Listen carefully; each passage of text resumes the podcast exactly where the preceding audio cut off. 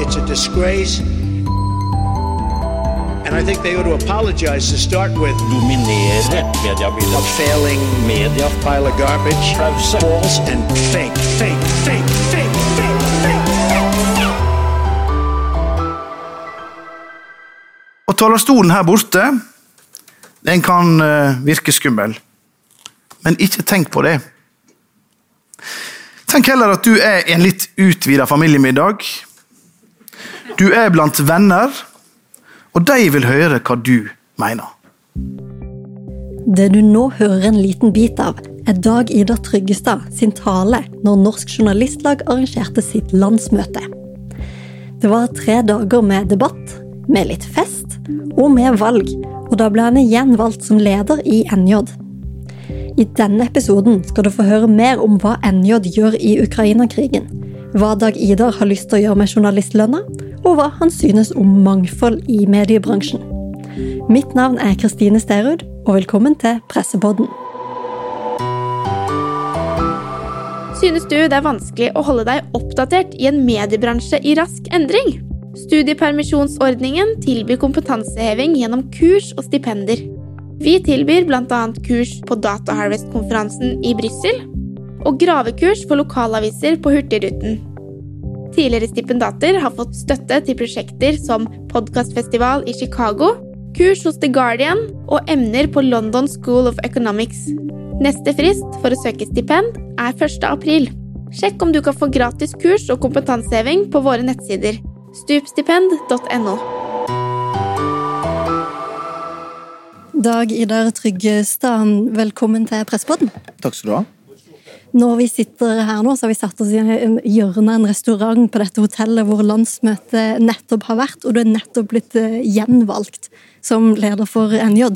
Men hvis vi skal spole et par eh, dager tilbake, så sa du i den åpningstalen din her at eh, du ville ønske velkommen til et sånt utvida familieselskap. Hvorfor ønsker du å være leder for denne NJ-familien? Jeg har vært tillitsvalgt eh, i eh, ja, snart 25 år. Eh, Det har tatt mye plass i livet mitt. Jeg syns det er viktig og givende. Og i alle disse åra så har jeg møtt utrolig mange fine folk som er engasjerte. Til det beste for journalistikken og for medlemmene. Og det å samle dem til et sånt møte og bryne seg på hverandres meninger og jobbe seg frem til gode vedtak, det syns jeg er utrolig eh, givende og engasjerende. Og når jeg sa det i den talen, så var jo det for at jeg nettopp inviterte folk til å ta del i diskusjonen, og ikke være redde for å gå på en talerstol når du kanskje er på ditt første landsmøte. da.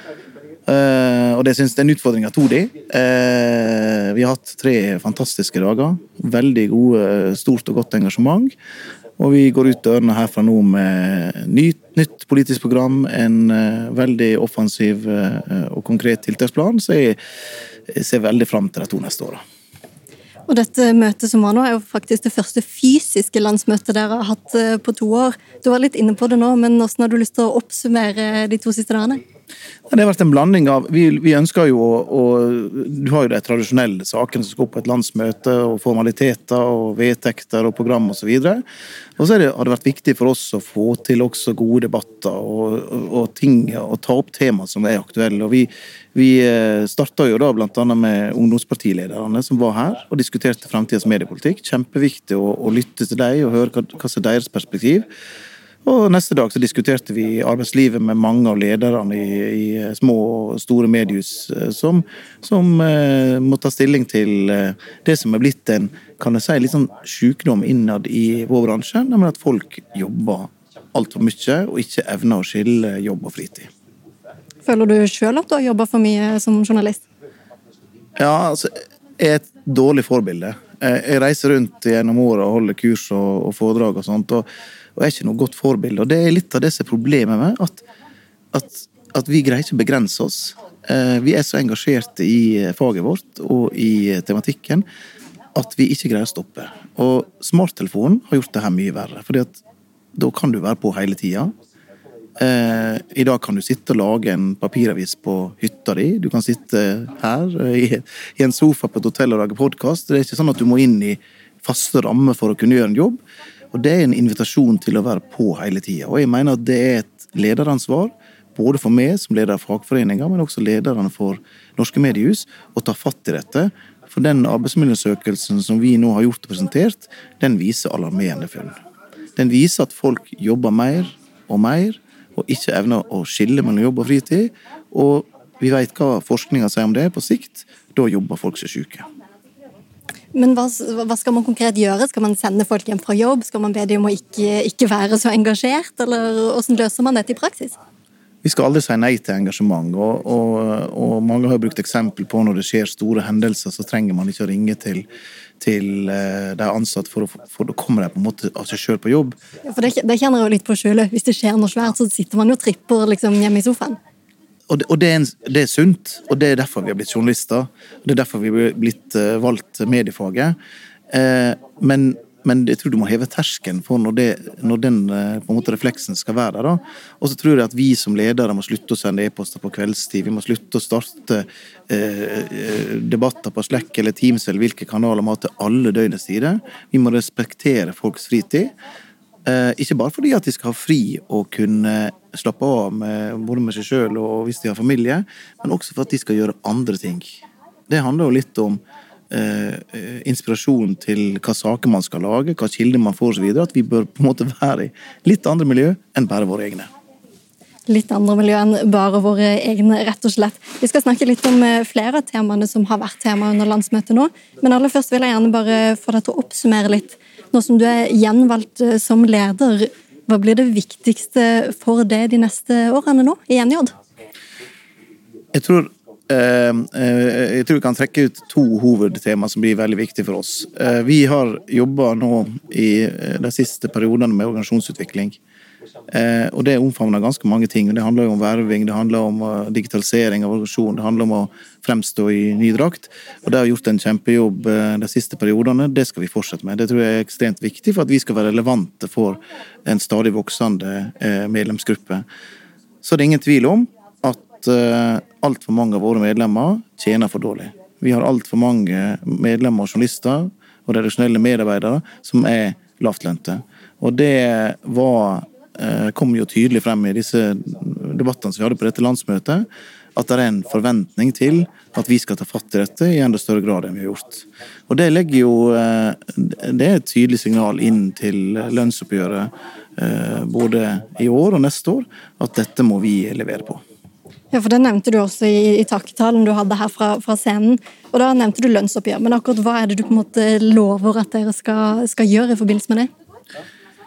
Jeg tror det Eh, hva vi skal kreve i lønnsoppgjør, det, det, tror vi skal eh, vente litt med å annonsere. Eh, det er mange faktorer som spiller inn der. Men jeg tror vi eh, må fortsette å diskutere også med arbeidsgiversiden at eh, eh, Og der jeg opplever også at det er en erkjennelse av at i en del mediehus i dag så er lønnsnivået blitt for lavt i forhold til å kunne være konkurransedyktig opp mot andre bransjer. Og vi ser at skal vi lokke til oss fremtidens redaksjonelle medarbeidere, så er lønn et av de elementene som må på plass for at vi skal være eh, attraktive å velge. Eh, eh, jeg tror at hvis det ikke, så vil det fortsette det vi har sett en utvikling mange plasser. Det at du går fra journalistjobben til f.eks. kommunikasjon, tjener bedre, har mer fritid. Det skriver vi jo om i Medie24, de som forlater, forlater bransjen, rett og slett. Men, men, vi går jo tøffere økonomiske tider i møte. Altså det er mange av konsernene som har en form for ansettelsesstopp. Det snakkes om sparetiltak, hvor mye penger man må spare inn de neste årene flere steder. Er det mulig å gjøre noe med journalisters lønn eh, oppi dette her? Absolutt. Det er ikke lønna som er eh, tynga økonomien til mange av de mediehusene som du refererer til nå. Eh, vi er fullstendig klar over at medieøkonomien er under press. At eh, annonsebortfallet har vært stort for mange. At abonnementsøkonomien er også under press. Og, og derfor bruker vi også masse av vår energi på å påvirke politikken som skal gi norske medier f.eks. mer likeverdig konkurranseforhold med, med, med tech-gigantene. Eh, men det vi har sett gjennom år, det er at mediehus som også har gode resultat, som har gode driftsmarginer, ikke følger dette opp med å sørge for en sunn lønnsutvikling. Og det er det vi må gripe fatt i. Det gjorde vi i fjor, fjorårets lønnsoppgjør med å heve, det, eh, heve minstelønna. Det var ett grep som, eh, som hadde effekt for, for en gruppe medlemmer da. Og vi må se på flere tiltak for å få opp lønnsnivået, slik at vi skal bli attraktive. Fordi jeg tror, er, jeg tror vi ser et, et lite skifte. Eh, De som tilhører min generasjon, eh, kanskje typisk eh, ga ut sin første avis når de var 13 år, har jobba i lokalavis, har tatt journalistutdannelse, har egentlig drevet med mediejournalistikk hele livet. Det har vært inngangen inn. I dag så rekrutterer en mye bredere. Man rekrutterer folk som har en annen utdanning, som de kan bruke andre steder. Men så velger de oss fordi vi er attraktive. Det er et attraktivt yrke, det er et spennende yrke å ha. Men på et, på et tidspunkt så vil de velge oss bort. Én pga. lønna. To hvis ikke de får utvikla kompetansen sin. Og tre hvis ikke en, en, en medie er attraktivt å være i. At det er puls, at det er et, et, et læringssted. Og Derfor har vi også snakka mye om at vi må få etablert en kompetansekultur i bransjen. Og jeg er glad for at vi sammen med MBL i fjor eh, ble enige om nå å løfte kompetanse kompetansearbeidet i MBL-området, og, og, og håper også at resten av bransjen følger etter. Klar oppfordring derfra. Vi skal bytte litt tema og ta for oss noe som ble diskutert eh, på landsmøtet.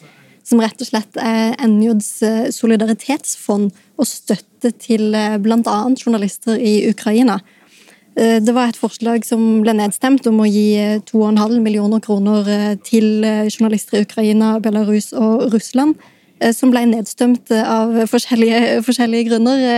Hvordan vil du oppsummere den diskusjonen dere hadde i dag om hvordan man skal støtte journalister som jobber under krigsforhold? Flere av de som er delegater, var delegater på dette landsmøtet, har sjøl erfaringer med og vært veldig tett på situasjonen til våre kolleger i mange av disse landene som du nevnte. Og har stort engasjement for det.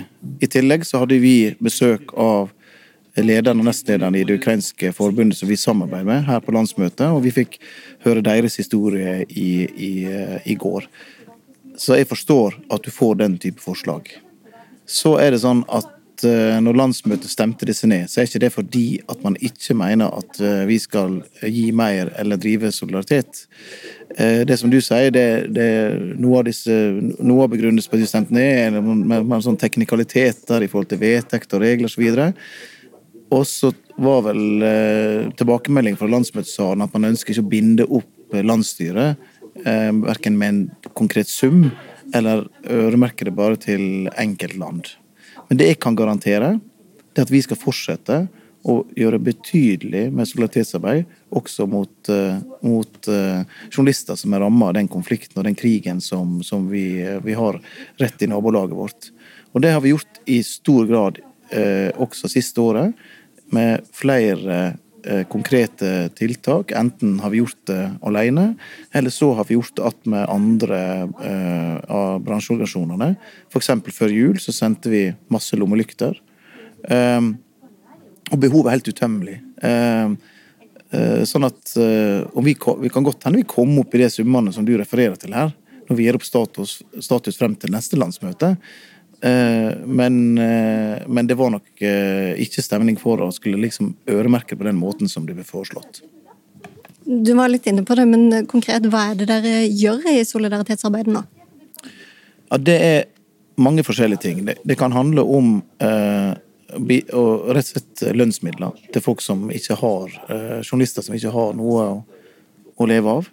Det kan være innkjøp, finansiering av innkjøp av datastyr, teknologi. Det handler om å finansiere opprettelse og drift av solidaritetssenter. Det handler om kontanter, som er en utfordring. Ja, egentlig ganske stor spennvidde i, i, hva vi kan bidra til. Og, og vi gjør jo dette i et internasjonalt fellesskap, der vi har dialog med både de andre nordiske forbundene og gjennom det europeiske forbundet. Og det dukker opp initiativ til prosjekt som en skal være med å finansiere, og så skaffer vi disse pengene. og I min tid nå eh, så kan jeg ikke huske at vi har fått en henvendelse til arbeidsutvalget, som ofte er det som saksforbereder og bevilger dette, der vi har sagt nei. Altså vi har gitt eh, masse penger eh, til ulike formål, eh, og det vil det være behov for når det gjelder eh, krigen i Ukraina også. Stupordningen bidrar til å holde deg faglig oppdatert i mediebransjen. Sjekk om du kan få gratis kompetanseheving på stupstipend.no. Vi skal igjen gå videre til et eh, tema som eh, ja, vi kan kanskje, kanskje kalle det et tilbakevendende tema i, i NJ og i mediebransjen generelt, nemlig dette med mangfold. Det har vært diskutert eh, på scenen her. Um, men hva betyr egentlig mangfold for det? Ja, for meg er eller, eller, den mangfoldsdebatten som ofte går, eller jeg opplever at mangfoldsdebatten ofte ender opp med, det er at uh, snakker om etnisitet. Uh, for NJ har vært opptatt av å snakke om mangfold i en mye bredere perspektiv. Inkludere uh, både uh, Altså, geografi er mangfold. Eh, hva du, hvilken bransje du har, hvilken tilhører faglig bakgrunn er mangfold. Funksjonsnedsettelse er mangfold. Altså, vi prøver å snakke om dette i mye bredere lag, og si at Eh, det ikke skal være noe som stenger de ute fra vår organisasjon. Og at vi må fremstå som attraktive for flere, og vi må legge rett til rette for det. Um, og det er ofte små detaljer. Jeg gjorde et poeng ut av det på dette landsmøtet at nå er det jo det selvsagt at vi har rampe opp til vår scene. Det hadde ikke vi for mange år siden. Og hvis du husker den saken fra NRK som de ble jo veldig lei seg for når de skulle dele ut en mangfoldspris. Så hadde ikke de tenkt på at det skulle være tilrettelagt for. Det samme skjedde jo på et, et lokalmøte i NJ eh, i høst også. Det akkurat nevne, og det skjedde, og, og, det som var fine med det, det var at det var noen i NJ som sa ifra om det, slik at vi fiksa det. Eh, for to år siden så ville kanskje noen ikke sagt ifra om det og blitt hjemme. Og da har vi mista den stemmen på det årsmøtet, eller den personen som kunne videre inn i vårt arbeid. Og, og Derfor så tror jeg at eh, dette er et holdningsarbeid som det tar tid å liksom se effekten av. Nå skal vi ferdigstille arbeidet med en mangfoldsplakat som skal ta opp, opp i seg både smått og stort. Og som vi håper vi skal få ut i organisasjonen og gjøres kjent. Og gjøre noe som du kan bruke i, i hverdagen, og som er relevant både for de små mediehusene like mye som de store. Apropos den eh, mangfoldsplakaten, så var det vel egentlig et håp om å, om å få den klar før dette landsmøtet her. Hva er det som gjør at, eh, eller hva er egentlig status eh, på den plakaten akkurat nå? Ja, det, det, er jo et utvalg som jobber med det i perioden, så det er mange grunner til at ting ikke har hatt den, den fremdrift som, som en skulle ønske. Vi har liksom hatt resten av en pandemi og, og, og, og en del sånn forhold som ikke vi rår over. Så, så der ligger et utkast klart, og så skal jo dette det må være, liksom, være, en forsvarlig behandling på det, så landsstyret skal få den til godkjenning. Og så blir den tatt ut i organisasjonen. Og Det er jo det vi har vedtatt nå, da, at vi skal fullføre den. Ta den ut i organisasjonen, og så skal vi legge mangfold inn som en del av vår eh, eh tillitsvalgtopplæring. Og Det er også viktig, fordi at eh, når vi skal velge tillitsvalgte, så må vi velge vi ut ifra de som er ansatte i mediehuset i dag. Og Hvis det ikke er mangfold i utgangspunktet, så hjelper ikke det oss. Og Et konkret eksempel som, eh, som, eh, jeg tror vi kan gjøre mer på, det er at veldig mange av våre tillitsvalgte er involvert i ansettelsesprosesser. Der er det vår oppgave å passe på at det er mangfold i de som blir kalt inn til intervjuer, og som til sist redaktørene velger å ansette. Men denne plakaten, altså konkret når er den skal være ferdig nå? Det jeg vet ikke om jeg kan gi noen sånn frist for, men, men, men eh, at vi skal få den her opp eh, Nå, nå skal jo landsstyret vi skal ha vårt første møte nå rett over påske. Det er et møte som er en sånn konstituering, og så er det første store arbeidsmøtet i juni. Jeg håper at, eh, at, vi da i hvert fall skal ha den på sakskartet. og så Om den blir ferdig til det, det kan jeg ikke love. Men jeg er ikke så opptatt av tidsfristen. Jeg er opptatt av at denne skal bli bra, og at vi skal ta den ut i organisasjonen på en, på en ordentlig måte. Så har vi på høsten da har vi vår store mønstring for tillitsvalgte som vi kaller Styrkeløftet. Der vil mangfold og den plakaten være helt sentral. Men hva, hvordan hjelper det med en plakat? Hvordan forhindrer man at det blir en sånn ting man eh, printer ut og henger opp, og så sier man ja, ja, vi tenker på mangfold? Hvordan skal man aktivt eh, jobbe med mangfold i organisasjonen NJ, tenker du? Nei, altså en plakat i seg sjøl har ikke så mye hjelp i, men jeg tror det har litt med at du må Det, det fins gode eksempel på tilsvarende løsninger som fungerer ganske godt. da. I NRK har de noe som de kaller Ekstra, ekstra varsom-plakaten, som handler litt om hvordan du skal opptre, oppføre deg. Og Det er noen gode påminnelser. Jeg syns den er veldig fin. En mangfoldsplakat kan ha mye av det samme i seg. Den, jeg tror at det handler om å minne oss sjøl på det hele tida. Vi har blitt ganske flinke på å minne oss sjøl på kjønnsbalanse, f.eks. når vi setter sammen utvalg og gjør valg. Da er vi veldig opptatt av det. Vi er også flinke på å tenke på geografisk mangfold og faglig mangfold, men det stopper gjerne der. Og vi er eh, Vi går gjerne lett til de, de kjente, tradisjonelle miljøene for å, å hente enten det tillitsvalgte inspirasjon til saker vi skal utrede. Og det tror jeg vi skal utfordre oss på. Å lete etter nye eh, Eller lete etter personer som har, kan ha en ny tilnærming til det. Og og eh, jeg opplever i hvert fall etter at vi har diskutert mangfold nå i, vårt, i vår organisasjon eh, denne siste perioden, så får de også langt flere henvendelser fra medlemmer som vil diskutere dette temaet med meg, og som har gode innspill, og som er, viser vilje til å få gjort noe. da. Og så er ikke dette quick fix, det er det overhodet ikke. Men jeg tror at vi må, som ofte ellers, vi må snakke om det ofte for at det skal få gjennomslag du, hvis du skal sammenligne NJ for bare noen år siden og NJ i dag, hvordan syns du dere ser annerledes på mangfold eh, nå enn før? Jeg tror at uh, Jeg tror som sagt at vi har blitt bedre på disse, disse, disse, områdene som jeg nevnte for det, på, på likestilling og geografi og sånt. At vi er mer bevisst på det at vi er en organisasjon som har medlem i hele landet, og det må vi hensynta. Det mener jeg vi har blitt mye bedre på. Men eh, en blir ikke så imponert over det i, sånn, i en, i en mangfoldsdiskusjon. da. Men eh, jeg syns at vi er en organisasjon som også har mer takhøyde.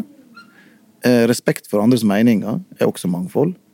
jeg syns vi evner å kunne diskutere vanskelige saker, vanskelige tema, uten at det blir ubehagelig. det er en, en verdi for en organisasjon. Og så er det mange element, mange tema som nå har også vært adressert innenfra fra, fra talerstolen på landsrådet vårt, som vi må liksom gripe fatt i og jobbe videre med. Sånn, sånn, som hva da? Nei, altså eh, eh, eh, De som Her har vært flere som har gått på talerstolen som har flerkulturell bakgrunn, har gitt oss liksom Gitt oss noen, noe å tenke på, da, for hvordan vi tilnærmer oss. Hva, hva er det vi gjør når vi når vi, vi, søker til den type tillitsvalgte? Hva er det vi gjør når vi Hva slags oppgave er det vi faktisk gir dem? Er det sånn at de kun skal få jobbe med mangfold? Sant? Fordi at de, de er liksom det kan, det kan, du gjøre, ikke sant? Eller slipper vi dem til på andre områder, eh, i lik linje med andre? Det er sånne ting som tror vi, jeg tror vi skal eh, tenke oss om å bli bedre på.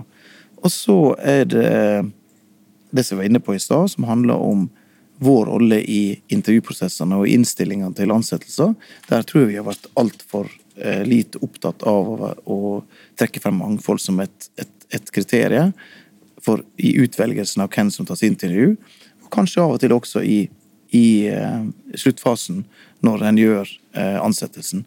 Er en modig nok da til også å ha mangfold med som en avgjørende faktor? Skal man begynne å si, kvotere inn, eller lage egne programtyp som eh, det Skipsted er jo et mangfoldsprogram, NRK Flere er jo et form for mangfoldsprogram.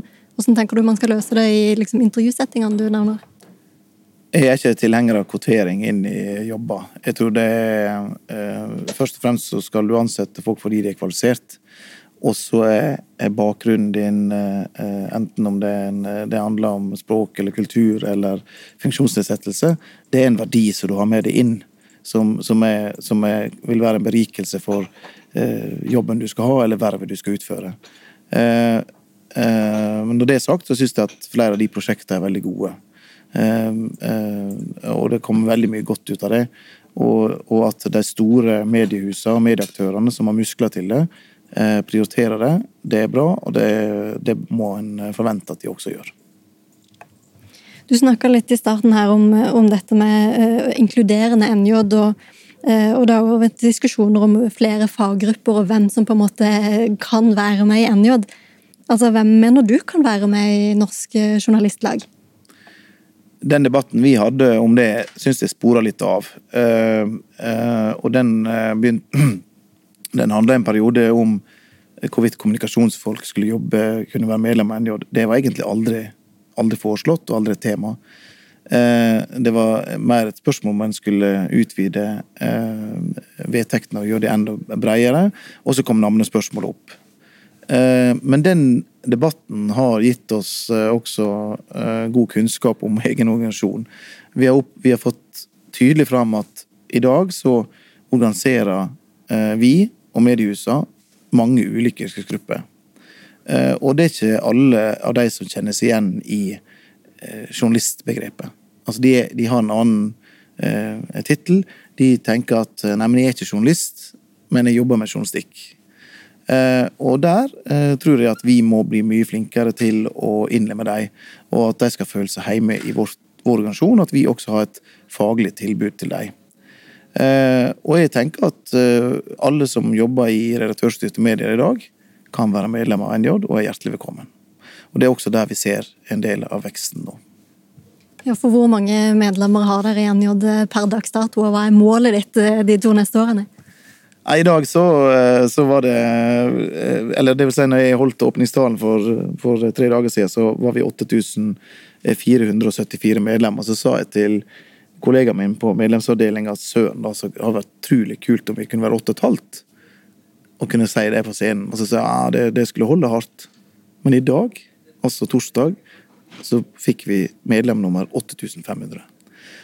Det synes jeg er bare rått. Det, vi har hatt en voldsom vekst. Vi, vi, eh, ved, ved avslutninga av eh, 2021 så var vi eh, rett under 8000 medlemmer. Så vi har hatt en, en betydelig vekst. Eh, og den veksten kom jo delvis av at det har vært eh, nyetableringer. At det, det er kommet nye medier til. Men det er på ingen måte hele forklaringa. Det handler om målretta arbeid for verving, og forhåpentligvis eh, at flere oppfatter oss som en relevant fagforening, fagforening å være en del av. Hvor mange mener du at det- dere skal bli i løpet av de to neste årene? Nei, jeg gikk jo ut eh, i et tidlig intervju i Medie24 så sa jeg at jeg håper at, uh, jeg håper at vi blir 10 000 medlemmer før jeg gir meg. Uh, og det er jo et sånn hårete mål som, som, som ikke liksom det, er ikke, det, er ikke, det er ikke tall i seg sjøl som er målet.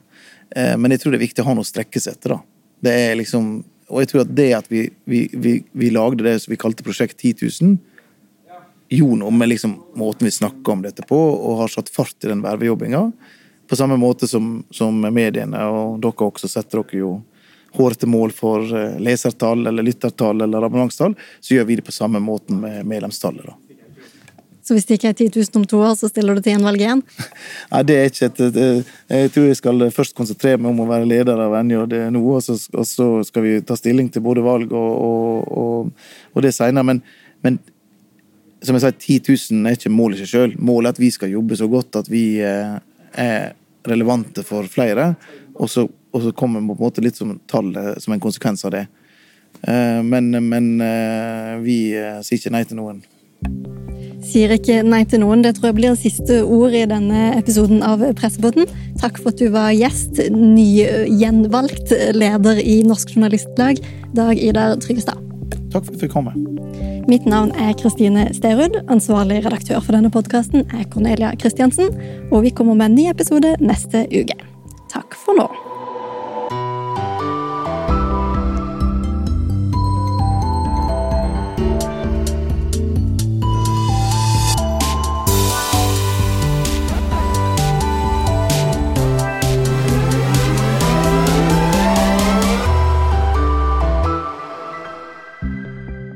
Stupordningen bidrar til å holde deg faglig oppdatert i mediebransjen. Sjekk om du kan få gratis kompetanseheving på stupstipend.no.